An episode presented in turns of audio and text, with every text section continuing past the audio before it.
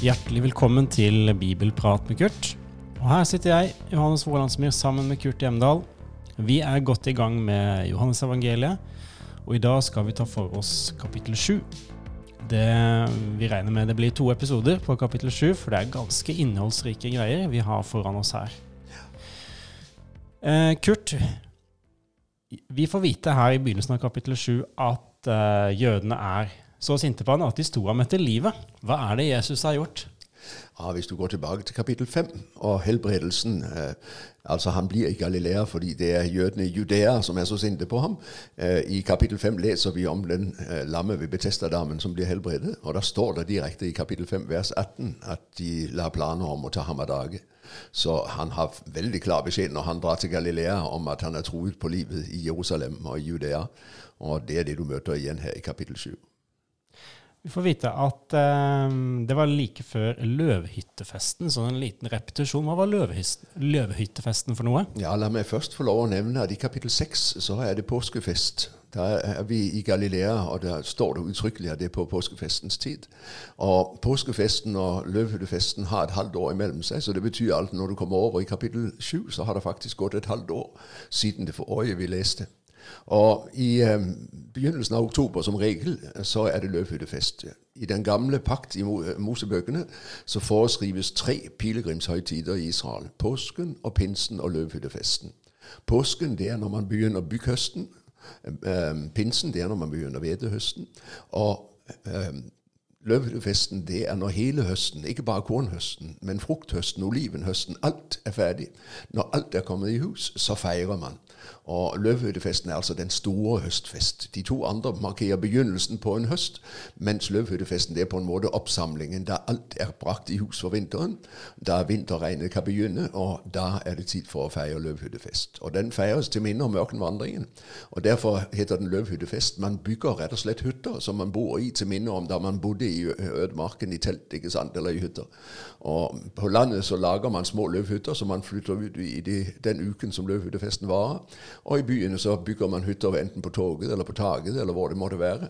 Og, den praksis finner du i Jerusalem den dag i dag. Hvis du kommer på løvhyttefesten, så ser du at alle jøder de har reist en eller annen form for enkel struktur hvor de kan sitte og spise og, og markere at nå er det altså løvhyttefesten. Og dette var en høytid der det var vanlig at folk reiste til Jerusalem? Det var den store, det var den festligste av høytidene. Alle dro til påskefesten og pinsefesten, men de aller fleste dro i hvert fall til uh, Løvhyttefesten, for det var på en måte høydepunktet. Nå mm, hadde man uh, vinterforråd, og, og, nå hadde man virkelig grunn til å feire, samtidig med at man ba om at Herren måtte sørge for fruktbarhet, så det kunne bli høst neste år også. ikke sant? Eh, veldig interessant, bare jeg nevner det også. Eh, Løvhyttefesten starter fire dager etter Jom Kippur. Eh, den sjuende måned starter med en botstid de første ti dager. Og så Den tiende dagen feirer man Jom Kippur, hvor man bekjenner siste års synder. Og så på den fjortende dag begynner så løvhyttefesten. Og så får vi vite her at det er en, en, samtale her mellom Jesus og brødrene. Altså Brødrene hans sier til ham, dra bort herfra og reis til Judea, så også disiplene dine kan få se gjerningene, dine, eh, gjerningene du gjør. For ingen som vil bli kjent, gjør noe i hemmelighet. Når de gjør slike gjerninger, så stå fram for all verden. Et par ting der, Kurt. Eh, for det første, eh, hadde Jesus brødre sånn som jeg har, på samme måte som jeg har en bror? Ja, ja, ja. Det har han. Og hvis du leser i Markus evangeliet, så ser du i kapittel 3 for det første at hans mor, hans brødre eller hans søsken kom etter ham.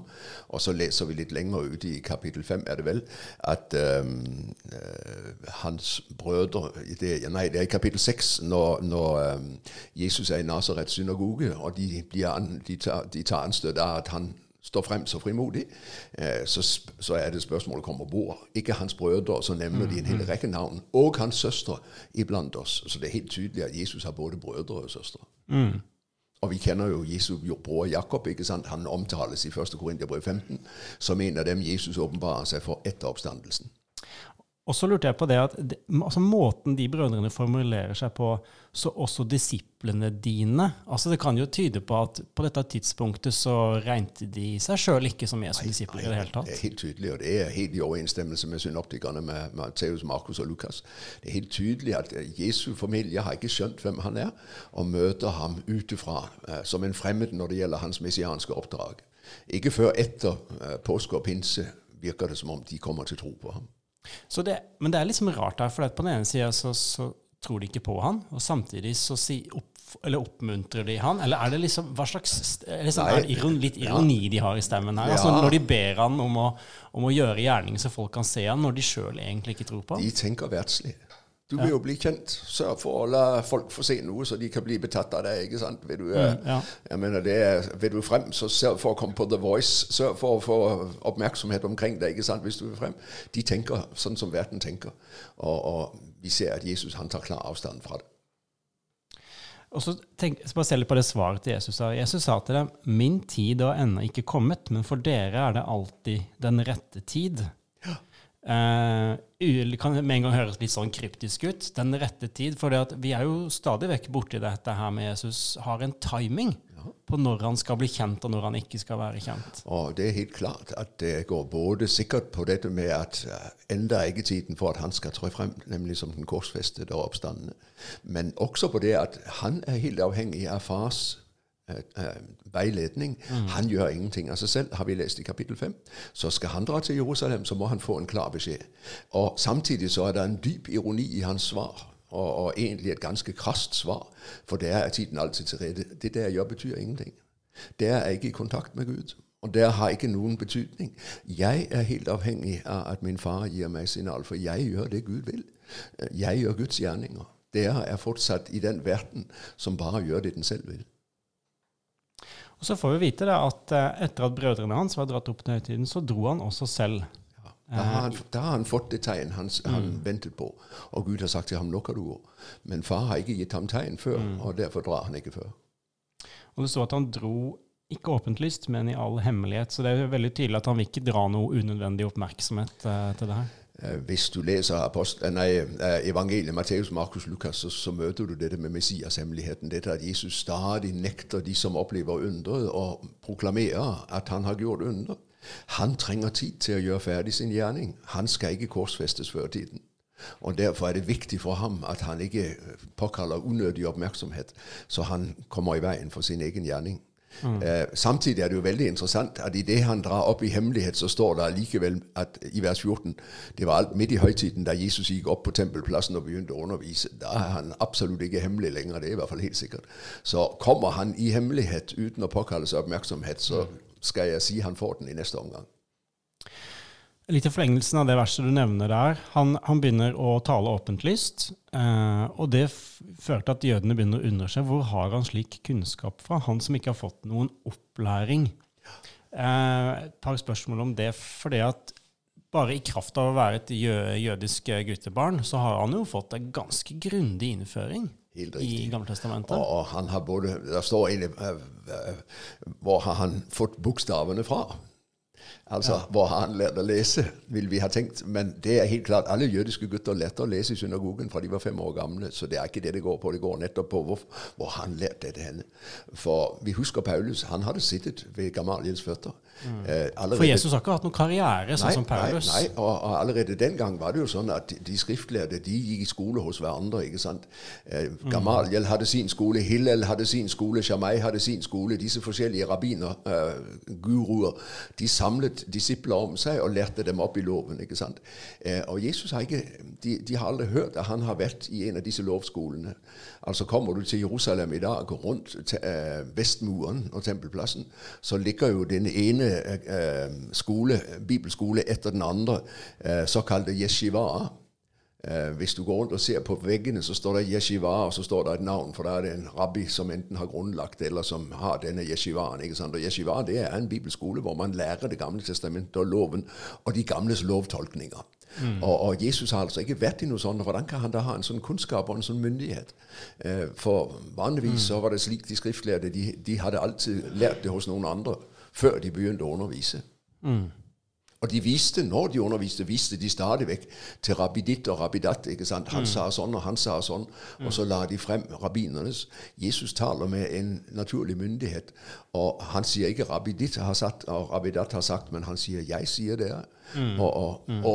altså. For hvor har han lært dette? Det, jeg tenker at Bevis på at, at, det du sier der stemmer, er jo den responsen som Jesus kommer da. Min lære altså For de lurer på hvor, hvor har han det her fra? liksom? Hvilken rabbinerskole liksom, har han fått det her fra? Sier han nei, min lære er ikke min, men kommer fra han som har sendt meg. Og så vers 17, som jeg syns er et utrolig spennende vers. Eh, den som vil gjøre hans vilje, skal skjønne om læren er av Gud, eller om jeg taler ut fra meg selv.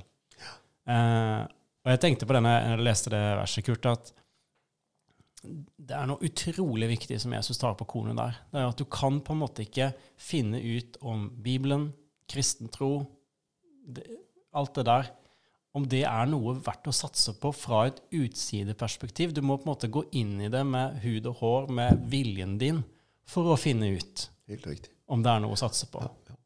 Vil du hele tida være liksom observatør i det her? Så blir så, du alltid stående. utenfor. Så blir du alltid stående der. Ja, ja. Og den som vil ha rett til å si det som overkikador og dommer og på en måte se er det det riktige eller er det det feil osv. Han har allerede stilt seg selv i en håpløs posisjon. For Gud han sitter man ikke og vurderer. Man går inn under hans kall, og så ser man er dette reelt eller er dette ikke reelt. Og, og det er jo samtidig interessant at Jesus sier det at 'det jeg lærer, det har jeg fra min far'. Eh, altså Gjennom alt det Jesus sier, så ligger det jo et enormt krav om at han egentlig er guddommelig. ikke sant? Han taler nettopp ikke på bakgrunn av de andre rabbinerne, men han har det direkte fra Gud. Eh, det ville profetene si også. Eh, at de hadde det fra Herren, så sier Herren. ikke sant? Men Jesus sier det i eminent forstand Min lære den har jeg direkte fra far. Jeg står i et helt spesielt forhold til ham. og Det er jo det som kommer gjennom hele Johannes evangeliet. Jesus er mennesket fra Nasaret, ja, men han er samtidig Gud. ikke sant? Og Så kommer Jesus med dette spørsmålet i vers 19. Har ikke Moses gitt dere loven? Men ingen av dere følger loven. Hvorfor vil dere da drepe meg? Hvor, altså jeg tenker på de tilhørerne som sitter hva, hva, hva hørte de da? Nei, eh, det er helt klart han er i Jerusalem nå. Og i Jerusalem så vet man nok om at øh, de ledende jøder er rasende på Jesus og mener at han er en livsfarlig vranglærer, og man må prøve å bli kvitt ham. Øh, han har brutt sabbatsbudet etter deres forståelse, i og med at han helbredet den lamme på sabbaten. Øh, så, så det ligger i, i, bakgrunnen. ikke sant? Dette er kjent, må du regne med. Man er ikke ukjent med at uh, lederne er sinte på ham. Og i den sammenheng, uh, de anklager ham for et lovbrudd, men hva gjør de selv? Og der er det jo Jesus som tar dem på kornet. ikke sant? Holder der loven? Eh, kanskje der holder sabbatsbudet etter deres egen oppfatning, men holder der andre, alle de andre budene i loven? Og, og, derfor, hvorfor i all verden skal jeg tas eh, mm. når dere selv har svin på skauen? Eh, Jesus mm. aksepterer ikke at han har svin på skauen, det er ikke det. Men, men, eh, det er helt klart, når de anklager ham for å bryte loven, hvor er de selv henne i det samme landskapet? Og hvordan tør de på en måte anklage ham for det? Mm. Og det er jo litt av det samme. Det er jo litt interessant. Vi kommer til det litt mm. senere i begynnelsen av kapittel 8, denne beretning som egentlig ikke hører til Johannes evangeliet om kvinnen grepet på fersk gjerning. Den som er ren, kaster den første stein. ikke sant? Hvem er det til å si at det er ikke har mm. svin på skauen i denne mm. sammenheng? Ja. For Jesus, uh, Jesus sitt svar her en, eller først, først, så blir jo folk rasende over det her og påstår at han er besatt av en ond ånd. Og så svarer Jesus i vers 21.: Én gjerning har jeg gjort og dere undrer dere alle over den. Og Da refererer han til det du nevnte i stad, ja, med helbredelse av mann på, en, på, sabbat. Ja, og det er den mann som hadde vært syk i 38 år, kunne reise seg og ta sengen mm. sin og gå. ikke sant? Og det, det, er jo den gjerning ja. som har gjort, han har gjort i Jerusalem, som helt tydelig ligger bak hele mm. denne samtalen her i kapittel 7. Mm. Og så viser han da Jesus videre hvordan på en måte logikken deres egentlig er forskrudd. For når han sier at Men dere, dere omskjærer jo på sabbaten. Ja. Bryter ikke sabbaten da? Han, han, prøver å på en måte begrunne hvorfor han har rett til å gjøre det han gjør. Og det er interessant, for det møter du mange steder i evangeliene. Også i de andre evangelier. Dette Jesus som prøver å begrunne slik at folk som er positive, har en mulighet for å forstå at han er virkelig den han sier at han er. Han er parat til å gå i samtale med folk for å hjelpe dem til å gripe at han er den spesielle som han er. Eh, La meg i den sammenheng også påpeke, det er jo veldig interessant at Johannes altså her siterer noen som sier han er besatt. Eh, Det møter vi jo i de tre synoptiske evangelier, dette at de sier han er besatt av Beelzebul. Og, og her dukker altså det opp også i Johannes evangeliet. Så det er helt tydelig at eh, Johannes bekrefter at denne beskyldningen mot Jesus den har levd blant jødene, at han skulle være besatt. Det med omskjærelsen er interessant. For, for det første så retter Jesus opp en misforståelse. Han sier det at det har ikke omskjærelsen fra Moses, den har de egentlig fra Abraham. Du kan lese om det i første Mosebok i kapittel 17, hvordan Gud byr Abraham å omskjære eh, hele sitt hus og seg selv, eh, som tegn på den pakten Gud har inngått med ham. Gud har gjort en pakt med ham om sønnen, og tegnet på pakten det er omskjærelsen. Men så var det slik i, blant de jødiske rabbinere at hvis et guttebarn ble født på en sabbat, så skulle han omskjæres på den åttende dag, og da ble han omskåret på neste sabbat. Enda det var sabbat. Så jødene har altså selv gjort unntak når det gjelder dette med at et lite lem skal, skal omskjæres. ikke sant? Det mannlige kjønnslem eh, blir omskåret. Eh, man skjærer av forhuden som tegn på at du tilhører jødefolket. Men hva er det tegn på? Det er tegn på pakten, på Guds velsignelse. Jamen, da må det da være helt selvsagt at kan man omskjære på sabbaten, så kan man i hvert fall gjøre et helt menneske frisk på sabbaten. For mm, det er jo en enda større velsignelse, ikke sant? Og Jesus prøver altså her å, rette deres misforståelse. De har gjort sabbaten til noe negativt, til en masse krav og til en masse bud og til en masse du må ikke. Mens sabbaten, slik vi møter den i første Mosebok kapittel 2, den sjuende dag, det er dagen da Gud velsigner. Og det Jesus har gjort i Jerusalem, han har velsignet den lamme mannen, Og det vil de altså anklage ham for. De ser ikke at dette er Guds gode gjerning. Eh, Så får vi igjen vite i vers 25 at um, de som da hører han eh, der, uh, de undrer seg over at han taler så frimodig. Er det ikke han som de vil drepe? Og så taler han helt åpent lyst. Og de kan ikke se heller at råds, rådsherrene prøver å motsi han. Og så kommer de da med det her eh, Kan det virkelig være at de har kommet til at han er Messias? Og så kommer vi til noe som, vi, som kommer til å dukke opp flere ganger igjen, og det er at dette her med hvor Jesus kommer fra, er så utrolig viktig for å kunne bestemme om han er Messias eller ikke. Hvorfor var det sånn? Eh, jødene visste at Messias skulle være Davids sønn, og at han skulle fødes i Betlehem. Så det handler ikke om det. Eh, Messias kommer eh, som Davids sønn fra Betlehem, og det sies ikke direkte i Johannes evangeliet. Det ligger under. Johannes visste naturligvis det. Eh, Så det er ikke noe problem. Men i Jerusalem vet man bare at Jesus er fra Nasaret. Man kjenner ikke hans bakgrunnshistorie slik den er fortalt hos Lukas i kapittel 1 og 2. Eh, og så går dette ikke egentlig på Jesu opphav, hvor han er født, men det går på at når Messias kommer, nemlig for å sette alt i rett stand, så kommer han plutselig og ut av Mm. Altså når Messias eh, trer frem og, opp, og, og gjør seg til, altså opptrer som konge og, og setter sluttstrek på den nåværende tid, ikke sant? så skal han komme helt overraskende. Og, og hvor kommer han derfra? Det vet ingen. Så dette går neppe på dette med Jesu fødsel, men det går på Messias fremtreden når Messias kommer. Nå vet man at han kommer oppe fra Nasaret, fra Galilea. Han kan vel ikke være Messias. For når Messias kommer, så kommer han plutselig. Malaki 3.1. Herren kommer plutselig til sitt hus. Og ingen vet hvor han egentlig kommer fra, for han kommer ut av intet. ikke sant? Mm, mm. Og så det her er svaret til Jesus, må vi se litt på. Eh, da ropte Jesus ut mens han underviste på tempelplassen. Ja, dere kjenner meg og vet hvor jeg kommer fra, men jeg er ikke kommet av meg selv. Han som har sendt meg, er sann, men dere kjenner ham ikke. Jeg kjenner ham, for jeg kommer fra ham, og han har sendt meg. Da ville de drepe ham, men ingen la en hånd på ham, for hans time var ennå ikke kommet. Det er litt vanskelig å følge eh, logikken eh, her, men for det, det er liksom veldig kompakte setninger. Det er helt riktig. Men det Jesus sier, det er dere tror dere kjenner meg. Dere vet at jeg kommer fra Galilea, fra Nasaret. For han er litt ironisk i den første setningen. Meget. meget. Det er dyp ironi, akkurat som overfor brødrene. For der er tiden alltid til rede. For det er ikke Guds plan. Det er jeg. Eh, og nå sier han dere tror dere kjenner meg. Men det kjenner jeg meg overhodet ikke. For det har ikke skjønt hvem jeg er. At jeg er Gud. At det er Faderen som har sendt meg. Og derfor er det dyp ironi i dette svaret. Eh, Jesus kommer virkelig som den ukjente fordi de ikke har forstått hvem han er. Og det kan tyde på at de tar ironien. Altså de, de, de skjønner hva han sier, for de blir jo rasende igjen. Eh, I hvert fall så skjønner de at han eh, sier noe som de ikke kan akseptere. Mm. Hvor mye de egentlig skjønner, det er vel et godt spørsmål. Men, men selv mener de altså å kjenne ham, og Jesus sier det kjenner meg overhodet ikke. Og når han så viser til ham som har sendt meg, så aner de vel igjen det samme som de har han før i evangeliet. Han gjør Gud til sin far, ikke sant? Og dermed, Vi så det i kapittel 5. Min far arbeider inntil nå, og dermed så er gudsbespottelsen nær for hånden, ifølge deres oppfatning, fordi de ikke anerkjenner ham som Gud. Og når han nå sier det igjen, at han kommer altså fra ham som har sendt meg, eh, og helt tydelig antyder det er Gud som har sendt ham, ja, så oppfatter de det igjen som Guds bespottelse, og dermed så blir de rasende om å, om bli kvitt ham, ikke sant, må få ham av veien. Og Så forteller evangelisten Johannes oss i vers 31 her at uh, likevel så er det faktisk en god del som har kommet til tro på ham. Og så lurte jeg på bare, når han bruker uttrykket her 'kommet til tro på ham', Eh, det er litt vanskelig uttrykk å få grep om, men hva legger, han, eh, hva legger han i det? Jeg tror det samme som vi så i kapittel 2 i slutten. Mens han var i Jerusalem under påskefesten, kom mange til tro på hans navn da de så tegnene han gjorde. Men Jesus viste dem ingen fortrolighet, for han kjente alle og trengte ikke at noen skulle vitne om mennesket. Han visste selv hva som bodde i mennesket.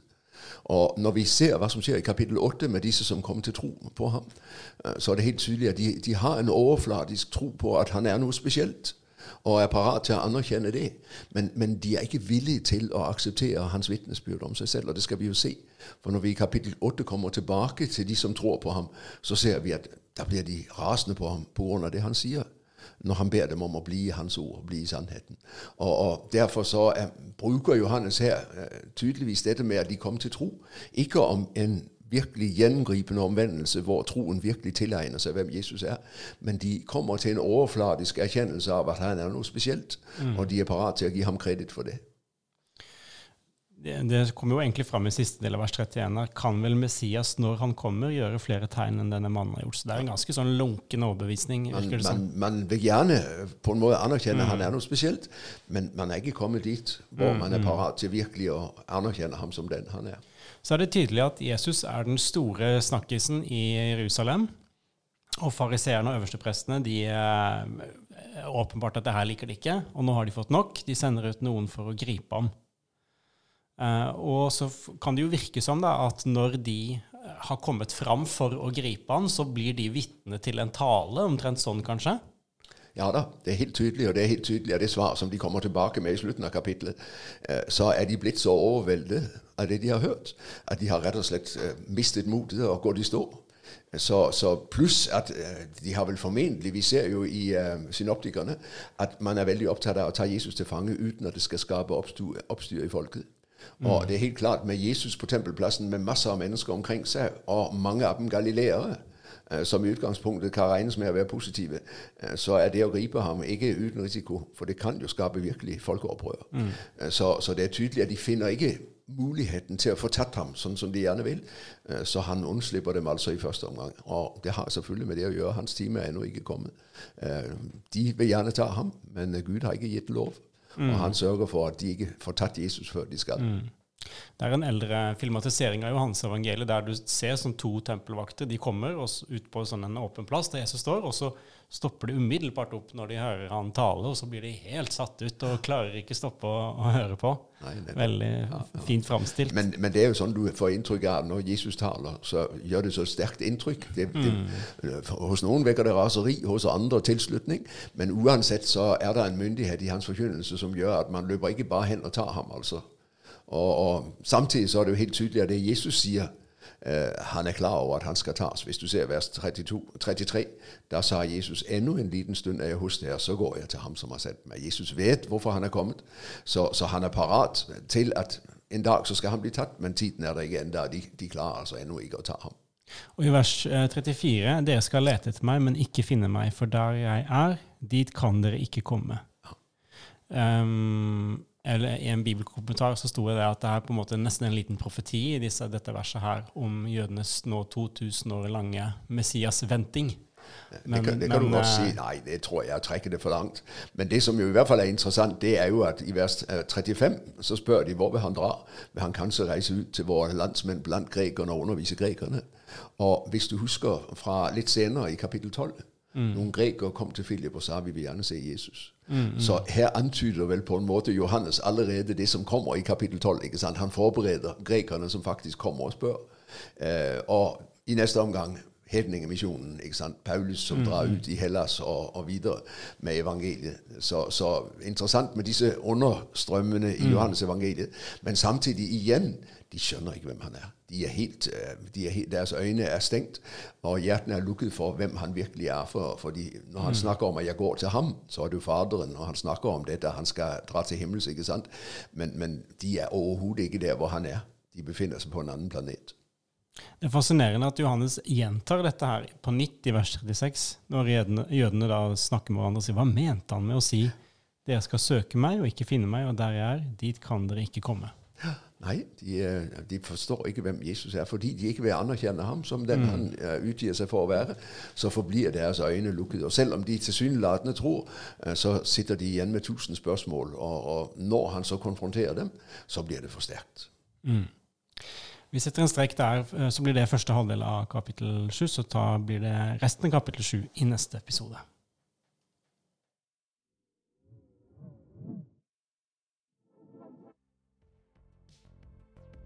Hvis du syns denne podkasten var spennende og lærerik, må du gjerne fortelle om den til andre, sånn at flere òg kan få glede av den.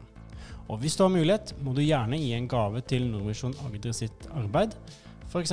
på Vipps nummer 94 272.